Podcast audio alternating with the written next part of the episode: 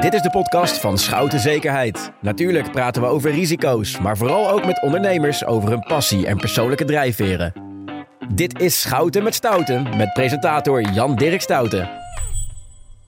Fijn dat je luistert naar deze podcast van Schouten Zekerheid. Deze keer met een bijzondere gast, Marleen Willemsen, met een Z, hè? heel belangrijk, van de Leerstek. En degene die meepraat is Lela Kula van Schouten Zekerheid. Ja, klopt. Kula, dat klinkt dan een beetje exotisch, hè?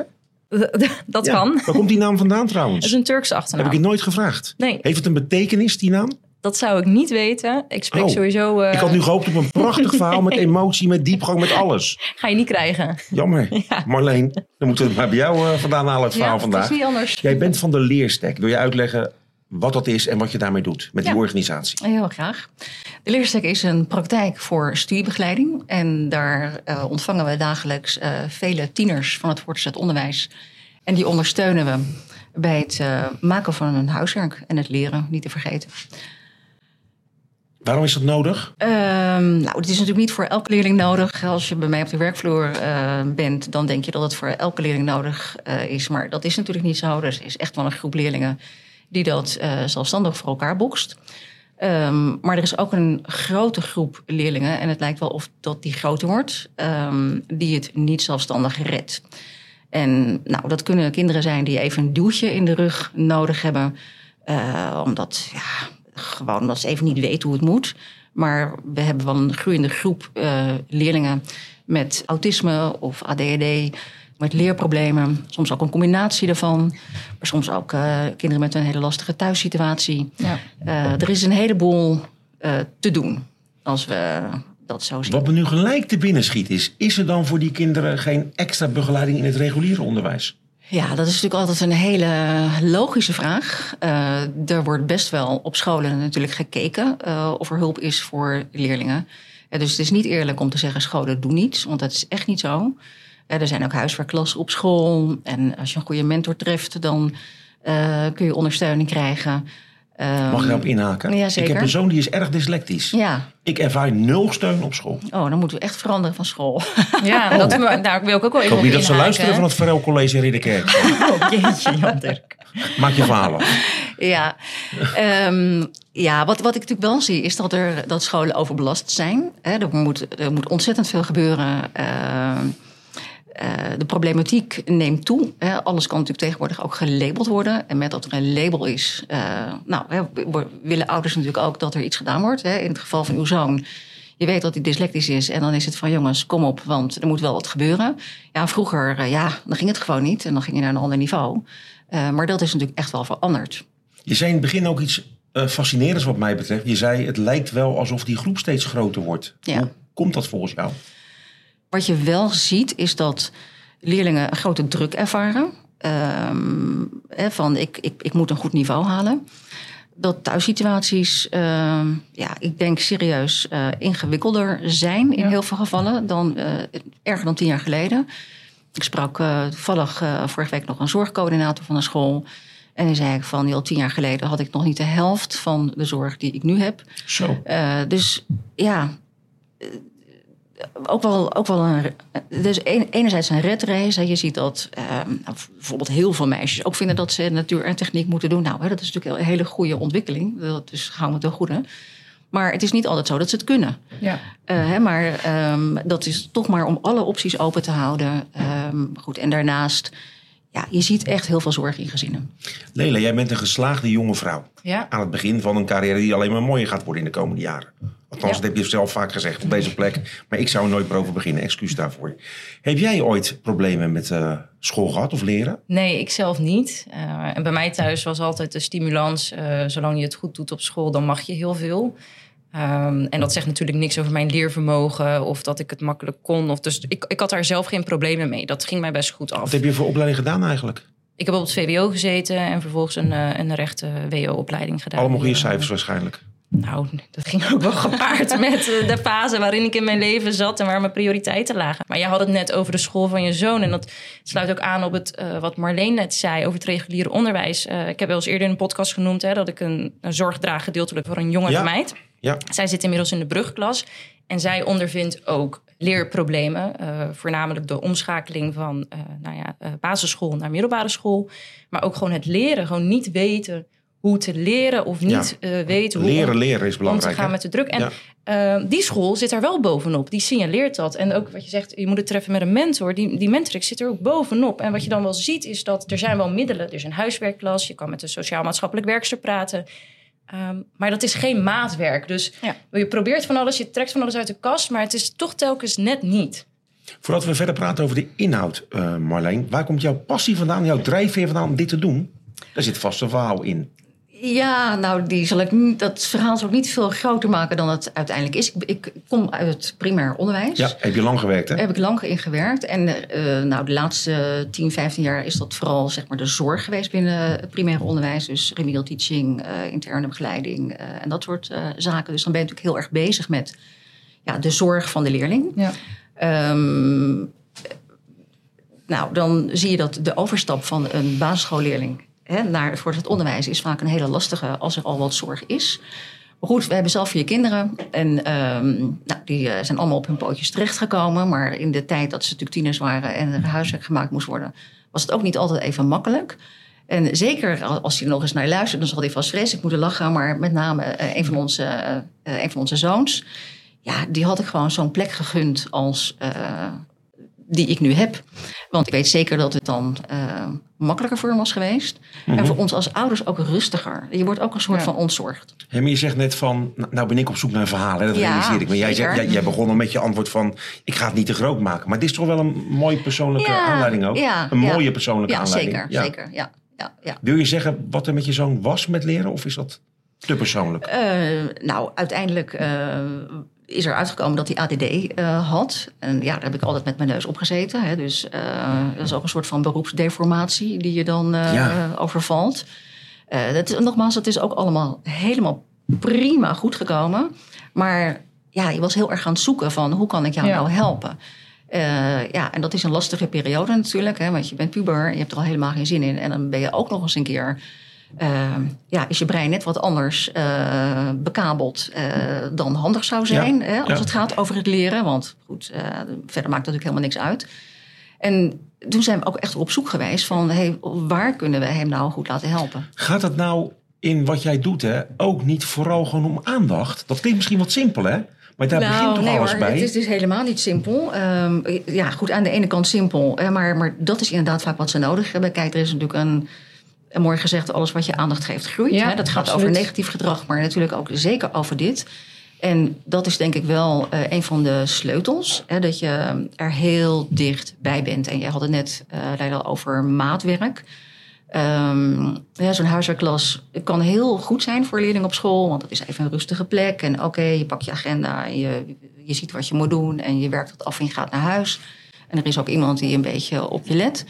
Maar dat is voor de kinderen die wij in begeleiding hebben... is dat gewoon niet genoeg. Nee. Daar moet gewoon meer nabijheid zijn. En de nabijheid maakt dat het lukt. Hè? En het is echt niet zo dat we hele programma's schrijven. Juist niet. En het leren, leren hoor ik jou net al zeggen. Nou, daar wordt vaak natuurlijk ontzettend verheven over gedaan. Daar kan je dure cursussen voor volgen. Maar dan zeg ik altijd van ja jongens, dat is net als droogzwemmen.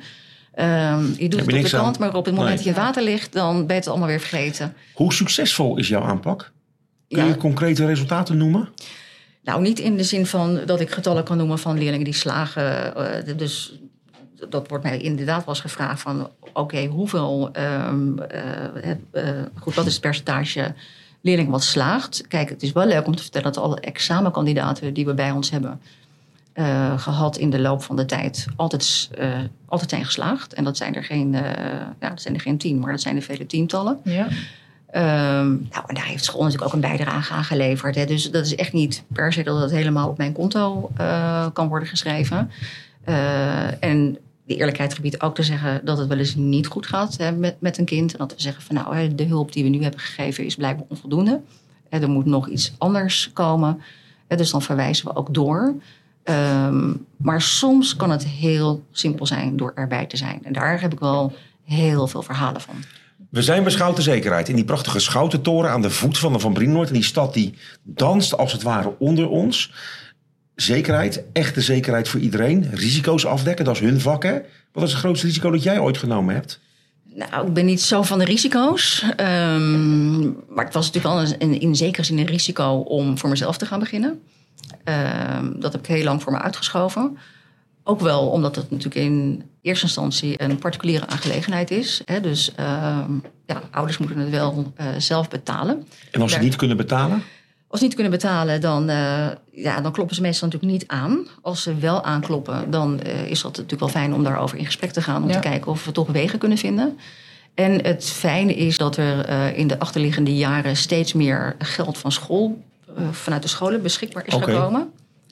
Ehm, eh, waar, waar- nou ja, zeg maar, zij sturen dan leerlingen en school betaalt het dan. Zeg maar een derde van mijn leerlingen wordt door school betaald. En wat is echte zekerheid voor jou? Wat is echt de zekerheid voor mij? En heb je het dan over mijn werk? Of... Wat jij wil? Ja, ja. Voor alles is ruimte. Ja, ehm, nou, ik denk dat er niet heel veel zeker is in deze wereld. Eh, maar als het gaat over wat is voor, voor mij persoonlijk zekerheid, dan is dat mijn geloof. Oké. Dat is Ja. mooi. En hoe uitzicht dat bij jou, dat geloof? Wat, wat doe je daar Nou, mee? Als ik dan even kijk naar mijn werk, dan probeer ik ehm, eh, ook echt wel de mens te zien. Ehm, en ook de, de situatie daarachter. Er komen soms wel hele schrijnende gevallen tegen. En ja, dan probeer je daar ook wel te helpen. Op welke manier geeft het geloof jou dan in het geval van zo'n schrijnende situatie zekerheid? Of, of misschien houvast? Nou, sowieso vind ik het heel erg belangrijk om, ehm, om de mens te zien vanuit mijn geloof. Eh, je, je bent niet hier voor jezelf op aarde, maar eh het dient wel een groter doel. En ik vind het heel belangrijk om ook mijn naaste te zien. En ook eh, met die naaste op weg te gaan, ook als het heel ingewikkeld is. En, Begreep ik nou, om dit maar concreet te maken, dat je vorig jaar een vluchteling in huis hebt genomen? ja, dat klopt. En hoe is het daar nu mee? Ja. Waarom heb je dat gedaan allereerst? Ehm, waarom ik dat gedaan heb? Ja. nou, dat, dat, dat vind ik zo'n heel mooi voorbeeld. Daar ben je niet naar op zoek. Maar dat komt op je pad. Ik heb daar ontzettend veel respect voor, wat Ja. je ook. Ja, nou ja, weet je. Ja, dat is echt waar. Ik, ik, ik vind dat allemaal wel meevallen. Ik vind het heel aardig en lief dat je dat zegt. Maar ehm, weet je, op het moment dat zich zo'n situatie aandient, dan is er ook niet zoveel keus. Eh, ik kende die jongen al heel erg lang. Nou, die werd gelukkig 18, dus dan kon hij de touwtjes eh, zelf wat meer in handen nemen. Ja, en als hij dan vraagt, mag ik bij jullie wonen? Dan kan je toch geen nee zeggen? Kijk, en ook even... Nou ja, Ja. nee, ik, ik vond het niet. Ik vind dat dan echt zoals waar iemand voor de poort van jouw leven wordt gelegd. Van, hé, maar dat is wel iemand waar je niet zomaar overheen kan stappen. Ehm, en dat gaat ook heel erg goed. Dus ja, je, je kent hem al. Het is natuurlijk niet een wild vreemde of zo. Ik, ik altijd al een hele lange weg met hem gelopen. Vanuit je, Vanuit mijn praktijk. werk. Oké. Oké. Ja. Ja. Mooi, nogmaals. Ja. Ja, nou, het is ook het is heel dankbaar. Maar het is ook gewoon oh, leuk en gezellig. We hebben het gaaf. eerder besproken, Lela. Jij hebt ooit iets ja, soortgelijks gedaan eigenlijk. Wil je dat verhaal nog even vertellen? Ja, dat was een, eh, een jong meisje waar ik het net over had. Zij was destijds vier jaar, toen was ik haar oppas. En haar moeder overleed plotseling. En op het moment dat dat gebeurde, heeft nou ja, haar broer belde ons. Want er is wat met mijn moeder aan de hand. En eh, nou ja, daaruit volgde dat zij gedeeltelijk bij ons thuis is komen wonen. Toen woonde ik nog thuis. En ja, eigenlijk ja, vergelijkbare situatie. Het, Ja. het gebeurde. Heeft geloof een rol gespeeld bij het maken van die keuze? Nou, ik ben zelf niet religieus, eh, maar wel dat gevoel van dit, dit is eh, niet zomaar. Ja. En dit is met een reden gebeurd. En eh, dat is ook de reden eh, dat ik er nu nog steeds zo in sta. En dat motiveert mij heel erg. Dat, ja, het dient een groter doel. Andere vraag, Marleen. Jouw echtgenoot is werkzaam als directeur bij een agent in de verzekeringsbranche. Dat schijnt zo te zijn, ja. Schijnt zo te zijn. ja, dat klopt. Nou ben je klant bij Schouten Zekerheid. Ja. Zou je niet eens een keer overstappen?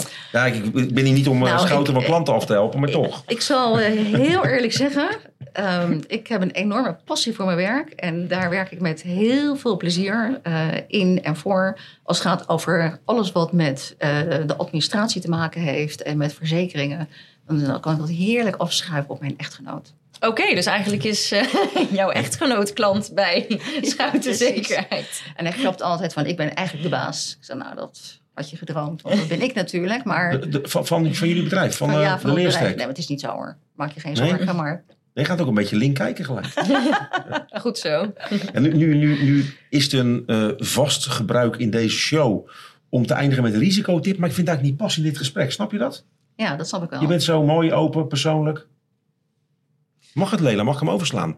Nou, dat mag Jij bent, zeker. jij bent mijn baas weer in dit Ja, gesprek. nou ja, wat ik, nou, de vraag die ik nog wel zou willen stellen, om het toch even een beetje zakelijk te maken, is: eh, je hebt heel lang in het onderwijs gewerkt, Ja. als medewerker in het onderwijs. En op enig moment toch gedacht: ik ga nu voor mezelf beginnen, omdat ik het ook anders wil doen. Ja. Wat is nou ja, toch wel het belangrijkste gevoel wat je daarin hebt ervaren? wat die omschakeling is geweest? Toch als we het hebben over ondernemerschap. Nou, de, de, het grootste ehm, en het fijnste eh, wat ik daarin heb ehm, eh, gekregen is vrijheid. Om het te doen zoals ik denk dat het moet. Zonder een enorme administratie. En dat, dat is in het onderwijs natuurlijk wel echt, eh, zeker toen ik er nog in zat, was een enorm gedoe. Elke punt en komma moest eh, beschreven zijn. En ik roep ook altijd tegen ouders, ik maak geen verslagen, want eh, die tijd stop ik liever in uw kind. Ja. We bellen om de zoveel tijd en voor elke ouder is er een appgroepje hè, waar je eventjes de noodzakelijkste berichtjes naar elkaar communiceert.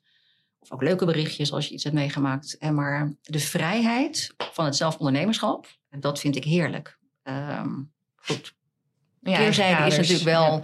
hè, dat je eigen ondernemer bent. En dat brengt natuurlijk weer andere ehm, nou ja, zorgen. Dat is een heel groot woord met zich mee. Hè, maar je moet er wel altijd zijn. Ja. Hè? Je bent wel degene die eh, nou ja, de lijnen uit moet zetten. Ehm, maar overal, onderaan de streep, ben ik heel blij met mijn vrijheid. Ik ga hem gebruiken, jouw quote. Op de volgende oude aan van mijn zoon. Stop die tijd nou in mijn kind in plaats van die erop te slaan. Nou, als ik een keer mee moet, geef maar even een belletje hoor. Hey Marleen, ik had er nog wel een, een vraag. Want je zei aan het begin van de podcast, het is een groeiend probleem. En je hoort het ook, je leest het wel eens in, in, in, in het nieuws. Ik heb het ook eh, volgens mij in december nog op de radio gehoord. Hè, dat de overgang van de basisschool naar brugklas eh, toch wel lastig is. Als de luisteraars hier geïnteresseerd zijn in de leerstek. eh, welke weg kunnen ze bewandelen? Of om met jou in gesprek te komen. Ehm, nou, ze mogen mij altijd een berichtje sturen. Eh, de gegevens die staan eh, op de website. Ze mogen mij ook bellen om een afspraak te maken. Goed, we zitten wel alleen in woorden. eh, dus in die zin eh, zijn we geen landelijke organisatie. Maar meedenken. Wel lekker centraal altijd. toch, Woerden? Het is heerlijk centraal. Vlakbij, Ja. We zitten vlakbij het station. Ja, dat wel. Nu misschien wel de belangrijkste vraag van dit hele gesprek. Mensen horen deze podcast, willen ook al die andere uitzendingen horen. Waar kan dat, eh, Lela? Dat kan eh, in ieder geval via de website www.schoutenzekerheid.nl slash sms. Hè, dat is de afkorting van Schouten met Stouten. Daarin zijn alle Nooit, wist ik niet maar dat vind ik leuk te afleveringen te, zien, te vinden. En ook met de linkjes naar de podcastkanalen. En als je nou ja, je gebruikelijke podcastkanaal zoals Spotify, Apple Podcast, eh, Soundcloud. Nou ja, zoek je eigenlijk op Schouten met Stouten. En dan heb je hem zo te vinden. En niet te vergeten onze Instagram page. Ja, Schoutenmetstouten.podcast. dankjewel Marleen. Dankjewel Lela. gedaan. En Ja, jullie dankjewel. vooral, zijn eigenlijk de belangrijkste voor het luisteren. Tot de volgende keer. Bedankt voor het luisteren. Graag tot de volgende Schouten met Stouten.